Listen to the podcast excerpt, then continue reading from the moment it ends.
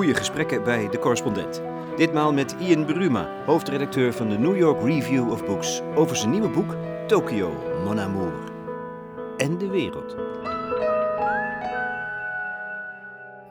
Er zijn, ik denk dat er veel problemen zijn die allemaal met elkaar samenhangen. Eén probleem is dat de wereld die, is, die onze ouders hebben geschapen uh, uh, na de Tweede Wereldoorlog, uh, om te zorgen dat zoiets nooit meer zou kunnen gebeuren. een, een sociaaldemocratie, internationale samenwerking, Europese eenwording, al dat soort dingen. aangetrokken door Amerika. Um, die begint nu uh, heel sterk af te takelen. En de president van Amerika zelf probeert het op te blazen. En dat, daar zijn allerlei redenen voor. Eén reden is dat, dat, dat die herinneringen zijn vervaagd. Mensen zijn niet meer bang dat hetzelfde zal gebeuren wat er in de Tweede Wereldoorlog is gebeurd. En um, de, de, mensen die, die het zelf hebben meegemaakt, leven st steeds minder van. Dus ik denk dat dat één van de problemen is. Waardoor je ook allerlei verschijnselen, um, taalgebruik, uh, politieke bewegingen die doen denken aan wat er in de dertiger jaren gebeurde, allemaal weer naar boven komen zonder dat mensen daar onmiddellijk van schrikken. Wat, wat 30 jaar geleden wel was gebeurd. En um, wat, wat ik een van de, behalve de, de, grote geopolitieke dingen zoals een verslagen onwetende en uh, malefide president die liever praat met dictators dan met uh, democratisch gekozen regeringsleiders. En die best is uh, gewoon door blunderen in een vreselijke oorlog terecht zou kunnen komen. Afgezien daarvan vind ik, ik vind een van de gevaarlijkste dingen is dat uh, van hogerhand in, in een democratie zoals de Verenigde Staten um, mensen worden aangemoedigd om hun uh, laagste gevoelens van rancune, van wraak, uh, van angst en dat soort dingen uit te leven op een zogenaamde elite waarvan er wordt verondersteld dat die op hun neerkijken en dat soort dingen. En daar komt, en niet alleen die elite, maar natuurlijk ook minderheden. Maar is dat, ja, oké, okay, want wat ik zou zeggen, dan, dan, kan je nog, je, dan kan ik je nog ervan verdenken, dat raakt jou persoonlijk. Hè? Jij wordt ja, aangevallen maar, in jouw positie als intellectueel en bevoorrechte elite. Ja, maar je wordt aangevallen met name ook omdat je zogenaamd die minderheden meer koestert dan uh, het gewone volk en dat soort dingen. En dat zijn verschijnselen, als je de geschiedenis kent, die je onmiddellijk kunt herkennen. En dat leidt uiteindelijk toch tot uh, verschrikkelijk geweld. En, uh, Verwacht je dit geweld ook?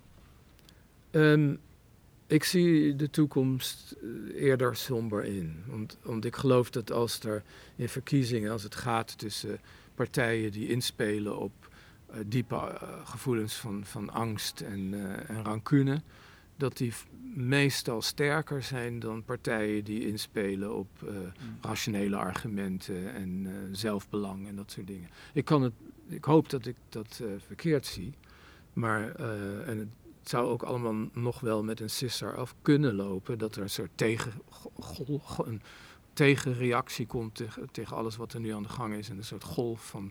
Mm. democratische vernieuwing, het, dat is niet onmogelijk, maar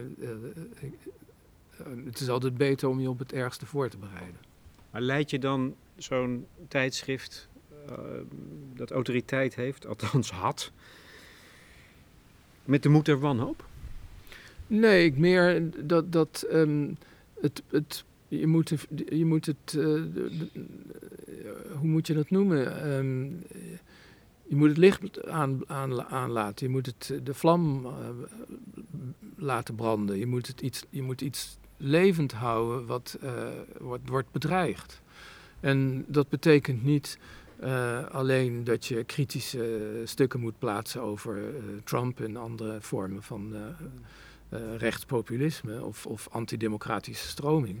het betekent ook dat je de cultuur moet koesteren, moderne kunst, allerlei dingen die, die nu op de korrel worden genomen. En je moet het levend houden, dat is eigenlijk je, je opdracht. En dat is al een soort oppositie tegen wat er aan de gang is. Je, je bent iets aan het, aan het uh, koesteren, aan het beschermen, wat uh, wordt belaagd. We zitten in de tuin van de uitgeverij, in de schaduw. Het is een warme zomerdag. Ian Buruma is voor even over uit New York. In 2017 werd hij benoemd tot hoofdredacteur van de New York Review of Books. Een tweewekelijks tijdschrift dat een grote reputatie geniet. Het heeft altijd een vooraanstaande positie ingenomen in het publieke debat. Net als Buruma zelf trouwens. Hij heeft veel geschreven over de Tweede Wereldoorlog, de islam en de Aziatische cultuur. En onlangs publiceerde hij een deel van zijn autobiografie over zijn Japanse periode, Tokyo Mon Amour. Hij leefde zes jaar in Tokio als student aan de filmacademie. Een saillant moment wel om deze herinneringen te publiceren. Terwijl de wereld schudt op zijn grondvesten, gaat hij terug in de tijd. Heeft het een iets met het ander te maken? Ehm, nou, het antwoord is nee. Ehm, eh, ik heb al heel lang met de gedachte gespeeld om over die ervaringen, wat toch een hele specifieke en, en uh, uitzonderlijke ervaring is geweest, om als jonge Europeaan in de 70 jaren in Japan mee te lopen met uh, aanstaande filmmakers en toneelschrijvers en dat soort dingen. En het is een soort beeldingsroman, maar dan in een hele aparte sfeer. En um, dat heb ik al heel lang willen beschrijven, maar ik wist nooit hoe. En zoals dat meestal gaat met het schrijven van boeken, op een gegeven moment uh, valt je iets in zonder dat je daar eigenlijk over hebt nagedacht. Uh, en dat heeft enige tientallen jaren geduurd. Maar toen bedacht ik me. Ik was bezig met een heel ander boek over de geschiedenis van Nagasaki. En de betrekkingen tussen Japan en het Westen en Nederland. En Madame Butterfly en al dat soort dingen. En toen dacht ik, ik heb hier niks oorspronkelijks eigenlijk bij te dragen. Want er zijn allerlei historici die hebben dat al lang gedaan. En mijn eigen verhaal vertelt het eigenlijk op een manier die letterlijk uniek is, omdat het, mijn eigen ervaring is en die van iemand anders.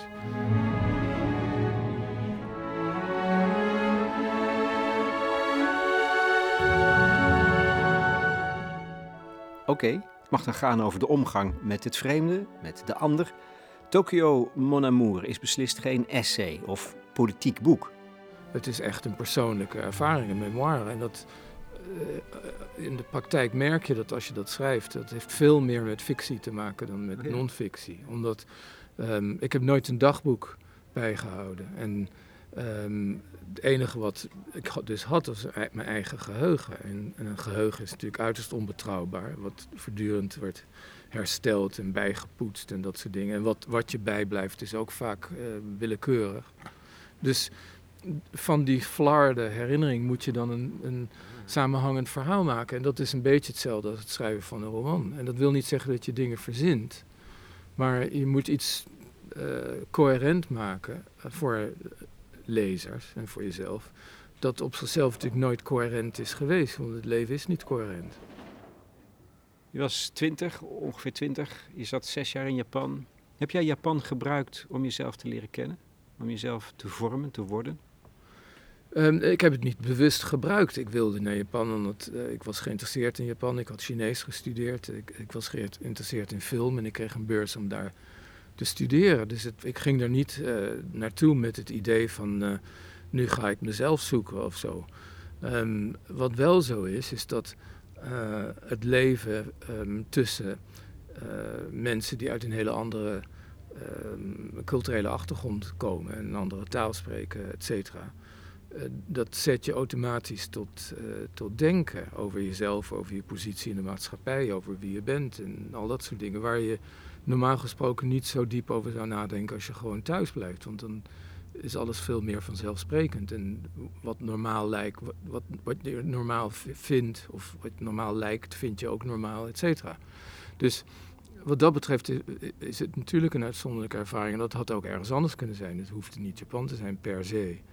Um, en ik ben er naartoe gegaan toen ik 23 was en kwam terug toen ik bijna 30 was. Dus het zijn hele vormende jaren. Dus in die zin kun je zeggen dat Japan zeker enorm heeft bijgedragen tot uh, uh, mijn eigen volwassenwording. Maar dat, dat was niet uh, op, op, zichzelf de opzet.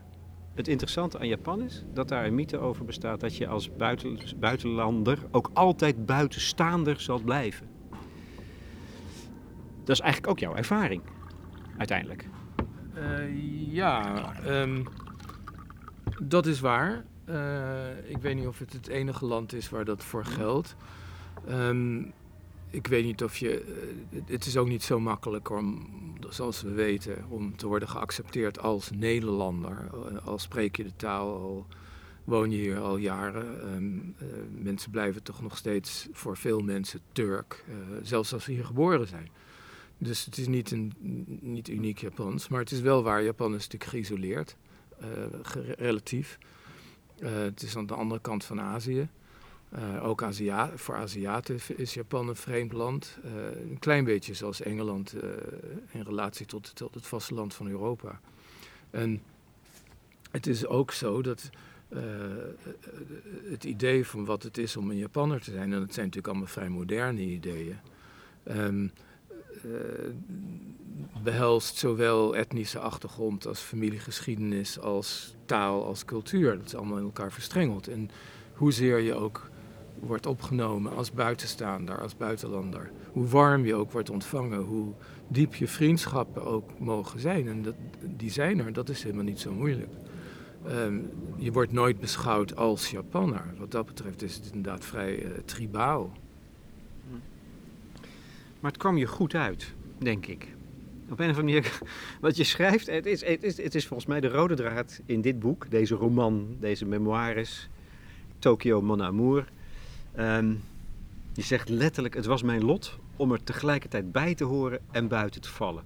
En dat gold voor alles. Je, bent, je beschouwt jezelf als van nature een passant. In wezen een buitenstaander. Dan kwam het je toch goed uit in Japan? Ja, nee, vandaar dat ik me daar ook wel op mijn gemak voelde meestal. Ehm, ik kom zelf uit een, uit een uh, cultureel gemengd gezin. Mijn moeder uh, was, was Brits en mijn vader Nederlands.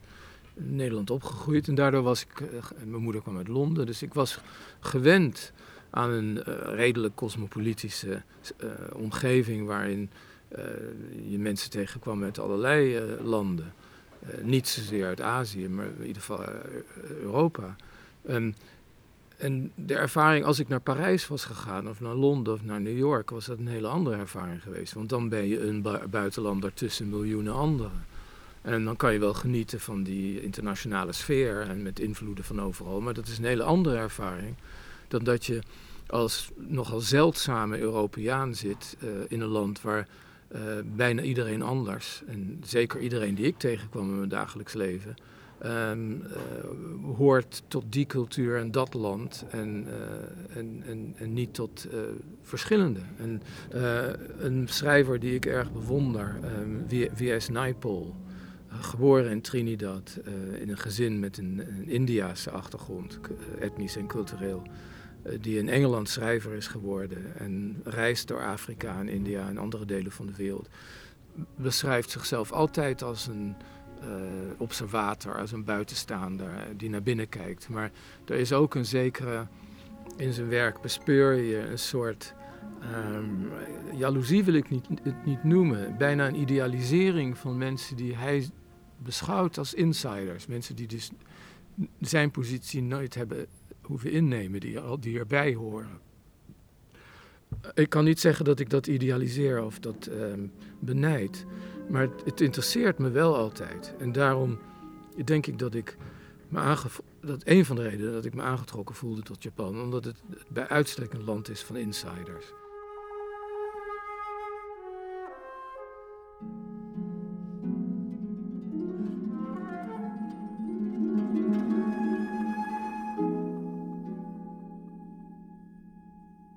Het is zo anders in veel opzichten. Niet, niet op een fundamenteel, in een fundamenteel uh, menselijk opzicht, maar uh, de, de, de, omgang, de, de manieren, de, de taal. Uh, veel dingen zijn zo anders dat je wordt gedwongen om jezelf ook aan te passen op manieren die je niet had kunnen voorspellen. Ja, alsof je je identiteit, die indruk krijg ik hè, als ik dit lees, hè? alsof jij je bezig was je identiteit te maken, te creëren bijna.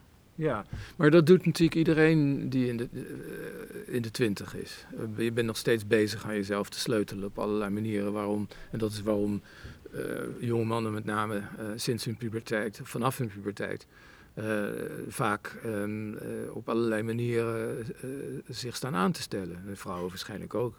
En op die manier vind je jezelf. Je, je, je imiteert dingen, je um, gooit ze weer weg. Je, speelt op allerlei manieren natuurlijk toneel. En dan uiteindelijk komt daar, blijft het masker zitten, als, als het ware. Um, En ehm, dat gold natuurlijk helemaal in een, in een land waar je door mee te doen en door de taal elke dag te spreken en dat soort dingen, uh, waardoor je dat automatisch uh, gaat doen. Dus bijna als een soort van toneel spelen. En je, je, je, komt in het theater terecht, maar je leerde eigenlijk toneelspelen, maar in het dagelijks leven, denk ik. Ja, dat is zo. Um, en dat is ook heel bewust op die manier geschreven. Vandaar ook het, het, het belang van, van uh, het theater. Aan de andere kant, uh, als je Proest leest, wat doen de mensen, de personages in, in de verhalen van Proest? Die spelen ook allemaal toneel. Het, is, het zijn de manieren van de Franse, een bepaald segment van de Frans, Frans van de Parijse samenleving die hij beschrijft. En dat, hun gedrag zou je artificieel kunnen noemen. Maar het, het, het, zijn van die moeilijke begrippen. Wat is van nature, wat is authentiek, wat is toneel?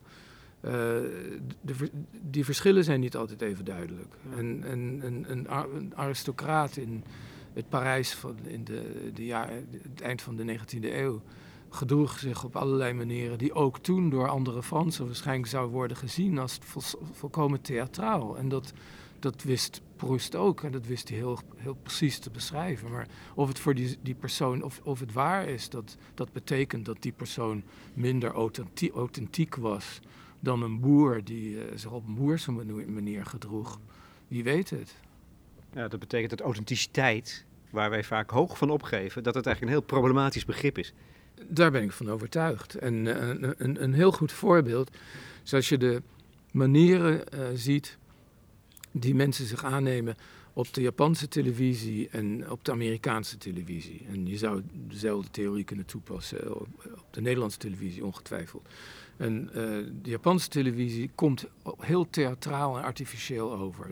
Terwijl mensen in het dagelijks leven um, vrij gereserveerd zijn, zeker tegenover vreemden, niet enorme onmiddellijk harde stemmen opzetten en dat soort dingen, is het gedrag op de televisie, omdat het een vorm van theater is, vaak eh, bewust uiterst theatraal. Mensen praten veel harder dan normaal, lachen harder dan normaal.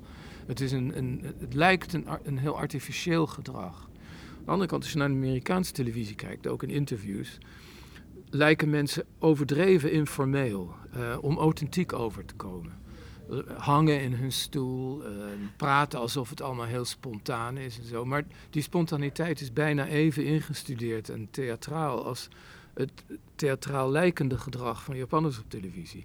Dus wat theatraal is en wat authentiek is inderdaad um, uiterst fluide, denk ik.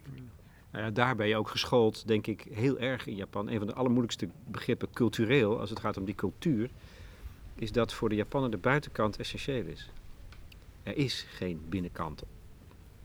Toch? Nou, er is geen binnenkant, dat is natuurlijk ook niet waar. Want als dat zo zou zijn, dan, dan zou je geen uh, romans of films hebben met enige diepgang van karakter.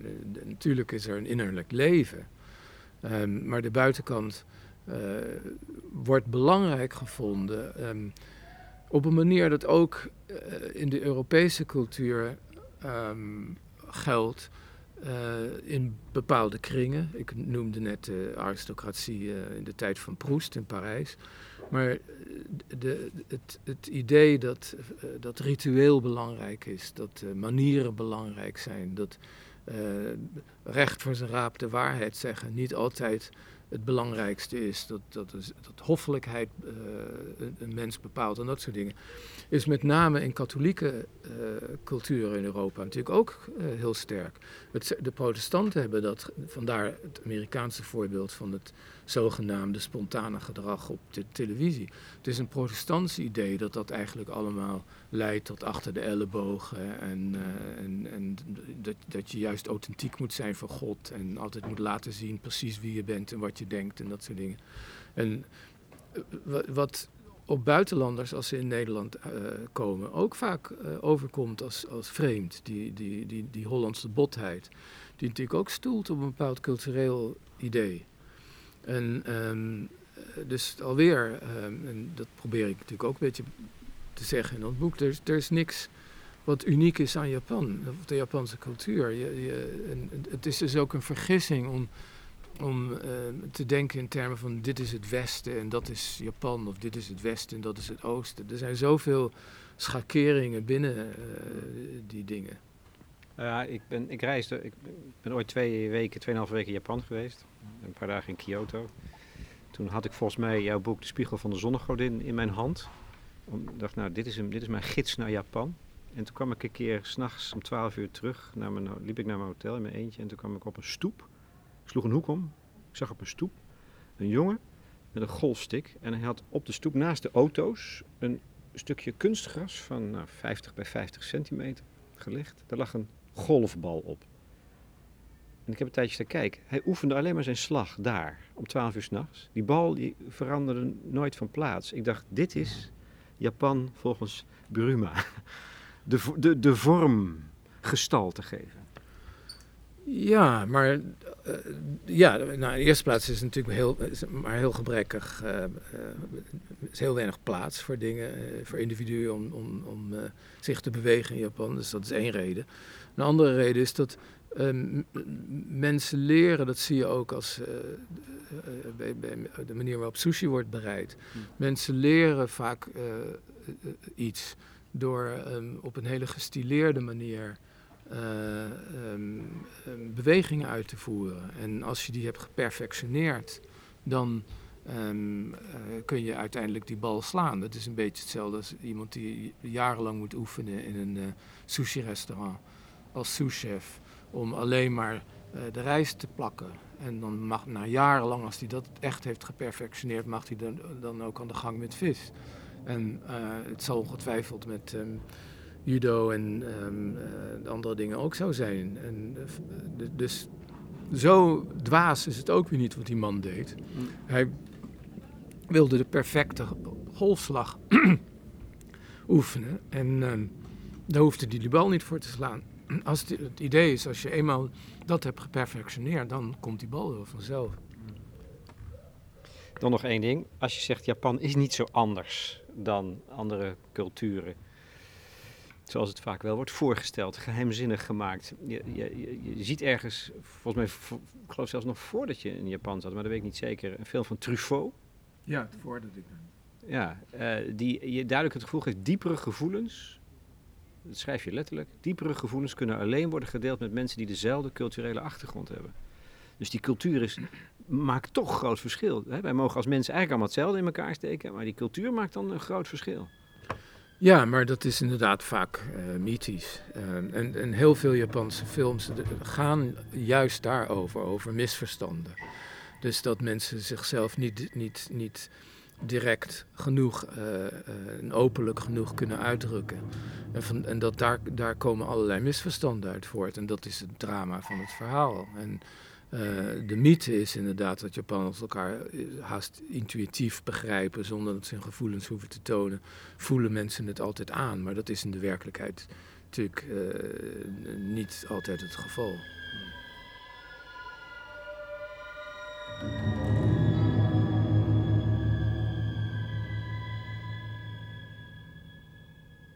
Tokyo Mon Amour. Wat een verhaal. Het voert langs allerlei kleurrijke, bizarre mensen aan de zelfkant, maar ook beroemdheden als de grote cineast Kurosawa. Er is zelfs een scène waarin Bruma auditeert voor een figurantenrol in een van zijn films. Toch is het niet de cinema, maar juist het theater dat de voornaamste plaats inneemt in deze roadmovie. Bruma maakt kennis met Buto bijvoorbeeld, een extreem veeleisende dans met wit geschminkte, naakte lichamen, waarin de eeuwige cyclus van dood en leven wordt verbeeld. Het verhaal begint in het Mikkery Theater in Amsterdam. Uh, dat toen een soort middelpunt was van uh, het moderne theater in de wereld. Um, en daar zag ik een Japanse toneelgroep. En dat was voor mij alsof er een hele nieuwe wereld openging. Um, maar dat was ook erg in de tijdgeest. Um, jonge mensen die droomden van in, in, een toneelgroep te zitten en dat soort dingen. Of een popgroep. Uh, het was, de, Japan had zijn eigen variant op iets wat natuurlijk in de hele wereld uh, op dat moment aan de gang was. En, uh, en dat heeft mij altijd zeer geïnteresseerd. En ik kwam dus ja, haast vanzelf in die kringen terecht. Omdat je, je was als buitenlander die geïnteresseerd was in die dingen zo uitzonderlijk dat mensen ook nieuwsgierig waren naar mij. Niet naar mijn persoon zozeer, maar naar een buitenlander die die merkwaardige belangstelling had. En ze wilden zelf ook graag een soort toch ehm, uit hun ehm, beslotenheid en, uh, en, en, en, en, luik vinden naar, naar de buitenwereld, naar het Westen met name.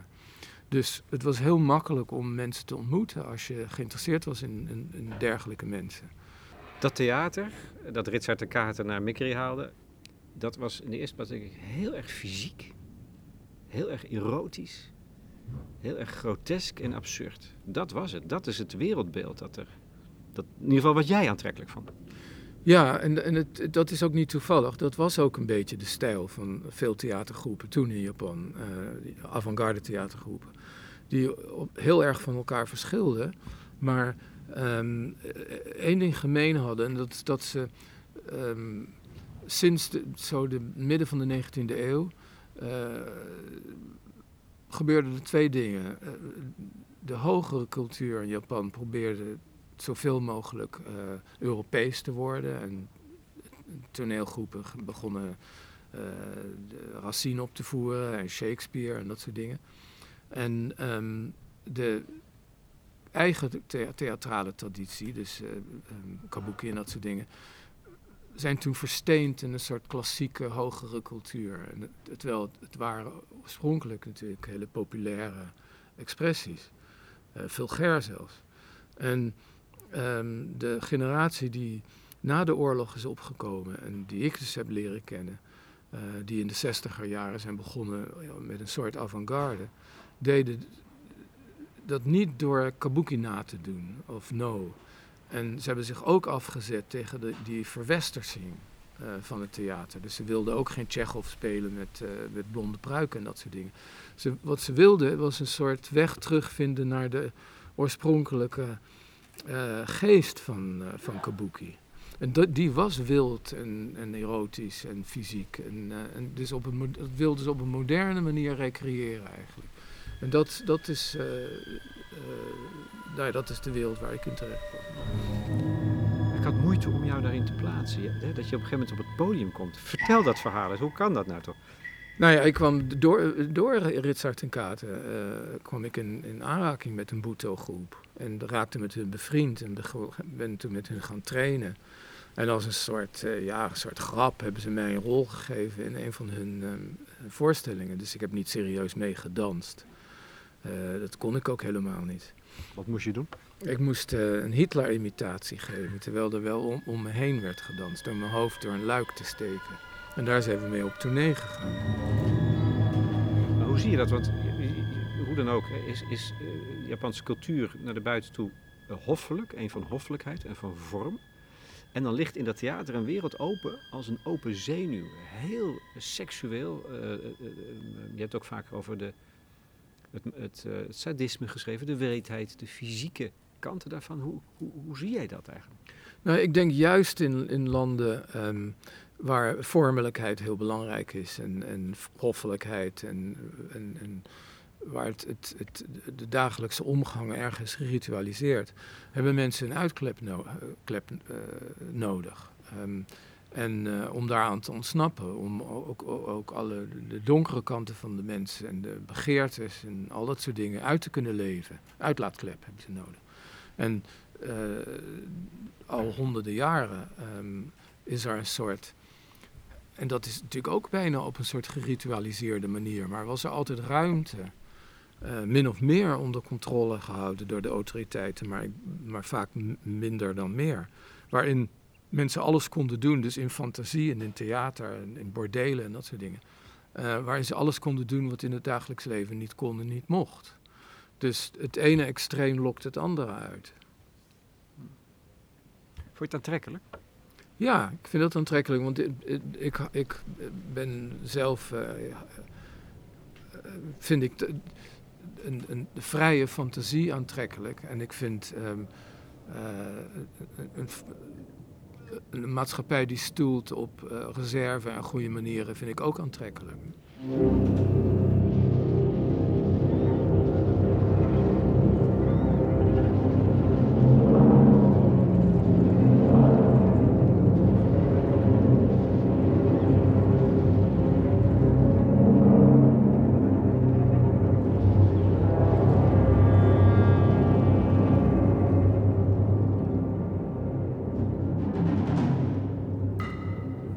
Optreden van Ian Buruma bij die verschillende dansgroepen in Japan is geen onverdeeld succes. Als hij even niet staat op te letten, laat hij een danseres plomp verloren uit zijn handen vallen.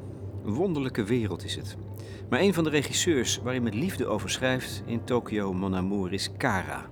Wiens stukken zich ontvouwen met de logica, of het gebrek aan logica, van dromen. Het had een soort woestheid en, uh, en tegelijkertijd een soort tederheid uh, die, uh, die me erg aansprak. En um, misschien ook dat juist als een soort geboren buitenstaander, dat, dat, alweer, dat kwam vaker voor, je had de Living Theater in Amerika en dat soort dingen.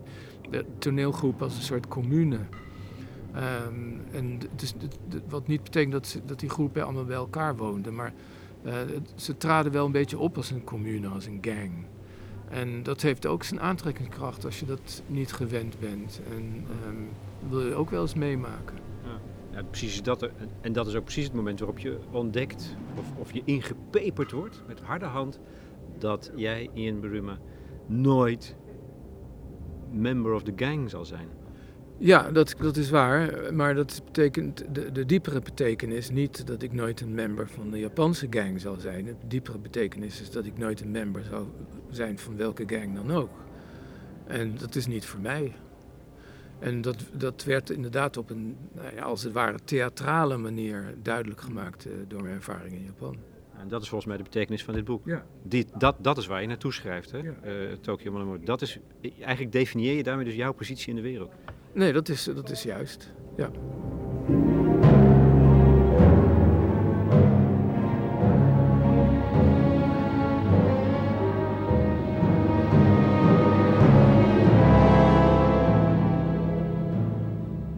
Als je dit boek leest, jaren 70, in Japan, ver weg, ook in tijd. Een van de dingen die ik dan ervaar is hoe anders is het nu? Hoe wat is er gebeurd met de wereld? Toen de vrijheid die jij daar ervoer om jezelf uit te vinden, de wildheid, de, de vrijmoedigheid, dat gaat echt heel ver. Waar is dat gebleven? Nou ja, daar weet ik ook niet zo snel een antwoord op. Maar schokt het je niet zelf ook eigenlijk? Of, of is dat een van de redenen om te laten zien ook? Dat is uh, denk ik wel waar, ja. En ik denk dat een, een, een, generatieverschil, en dat wil niet zeggen dat wij het al, allemaal bij het best, goede eind hadden, maar een generatieverschil dat ik sterk voel met de generatie van nu is dat voor ons gold dat je wilde alle regels breken, je wilde kijken hoe ver je kon gaan, je wilde meer vrijheid. Terwijl misschien als reactie daarop mensen die nu in de twintig zijn, willen juist weer meer regels en duidelijker vaststellen, want dit kan wel en dat kan niet en dat soort dingen. En dat is inderdaad een verschil. Maar een ander verschil is natuurlijk dat de, en dat geldt uh, voor Japan net zo goed als Nederland of, of, of, de Verenigde Staten, dat uh, de manier waarop mensen communiceren is natuurlijk heel sterk veranderd, ook door het internet. En dat uh, er zijn minder mogelijkheden voor spontane ontmoetingen in cafés en andere plaatsen, omdat mensen elkaar eerder zullen ontmoeten online. En um, dat maakt het leven natuurlijk toch heel anders. Ja. En dat, dus als je het hebt over wildheid, of laten we zeggen, of, of neem uh, seksuele ervaringen. Het maakt toch wel een verschil het, het, of je mensen moet zoeken in, in, in, op straat of in cafés of op feesten. Of dat je elkaar binnen 30 seconden vindt op, uh, op een website. Maar wat is dan de gevolgen daarvan? Wat zijn de gevolgen daarvan? Nou ja, daar worden hele boeken over geschreven. Um, daar heb ik niet 1, 2, 3 een antwoord op. Maar het is natuurlijk wel een hele andere ervaring. Dat betekent dat het op zichzelf veel makkelijker is voor mensen, de jonge mensen nu, om een seksuele ervaring te hebben. Je hoeft alleen maar online en je vindt wel iemand. En, en dat, dat gaat uh, heel makkelijk. Veel makkelijker dan het voor ons was. Aan de andere kant, uh, of het bevredigender is, de, dat is een andere vraag. En zo zijn we terug in onze tijd. Terug ook bij de hoofdredacteur van de New York Review of Books. Tegenover de vrijmoedigheid en het grensoverschrijdende van toen staat een hang naar regels van vandaag. Het lijkt erop alsof vrijheid niet langer het hoogste goed is. Hoe verklaart hij in Buruma die hang naar autoritaire leiders die je nu overal in de wereld waarneemt? Nou ja, maar dat, dat zag je in de dertiger jaren natuurlijk ook. Dat, uh, dat slaat als een vlam over naar, van, van land tot land. Um, Ik denk dat er allerlei oorzaken waarschijnlijk voor zijn. We leven in een wereld waarin uh, op, in allerlei opzichten mensen zich onzeker gevoelen. door immigratie, door uh, het feit dat, dat je niet meer um, kunt rekenen dat als je hard werkt, dat je kinderen beter, er beter vanaf zullen zijn dan jij. Uh, de Amerikaanse droom is min of meer vervlogen. Uh, de Europese eenwording hapert van alles aan. Um, de opkomst van niet-westerse machten, zoals China, dus de hele wereld schuift. Waardoor heel veel mensen het gevoel hebben dat ze achterblijven, dat, dat ze op los zand zitten, dat ze niet meer weten wie, wie ze zijn, dat, ze, dat hun stem niet meer wordt gehoord. En, en, dat, en, en als dat soort angsten heel sterk gaan leven, dan krijg je mensen die, dat, die, die weten, die hun kans schoon zien om dat uit te buiten. En dan zie je vaak hoe bewegingen opkomen die, die, aan, die mensen aanspreken die om allerlei redenen het gevoel hebben dat ze uh, zijn mislukt, niet voor vol worden aangezien, uh, in nek worden gekeken. Dat kunnen uh, werkloze arbeiders zijn, maar het kunnen ook gesjeeste romanschrijvers zijn of journalisten die niet aan de bak zijn gekomen. Of allerlei mensen die, die, die, die jaloers zijn en, en op wraak uit zijn op mensen waarvan ze het gevoel hebben dat die er beter vanaf zijn gekomen. Ja. Eng. Je aarzelt niet om te, om, om, om te verwijzen naar de jaren dertig. Nee, want ik, ik zie veel overeenkomsten. Dat betekent niet dat je onmiddellijk met nazi-vergelijkingen moet komen. Of de geschiedenis herhaalt zich nooit op dezelfde manier. Maar je kunt wel verschijnselen zien die, ja, die sterk overeenkomen met wat er toen gebeurde. En, en uh, uh, het zal uh, op een andere manier uitpakken, maar niet noodzakelijk op een, op een aangenamere. Nou, dat we op een, op, op een um, vreedzame manier uit al deze problemen, problemen, moeten proberen te komen, is zeker. Maar hoe dat moet, dat, um, daar heb ik niet onmiddellijk een antwoord op. Maar ik, ik geloof wel dat we moeten koesteren wat we, wat, we hebben um, aan openheid en vrijheid en dat soort dingen. En niet het idee moeten hebben van het is zo'n rotzooi, gooi het allemaal, allemaal maar op de schop en dan zien we wel wat er gebeurt. Dat soort um, uh, gevoelens, uh, daar komt meestal niks goeds van.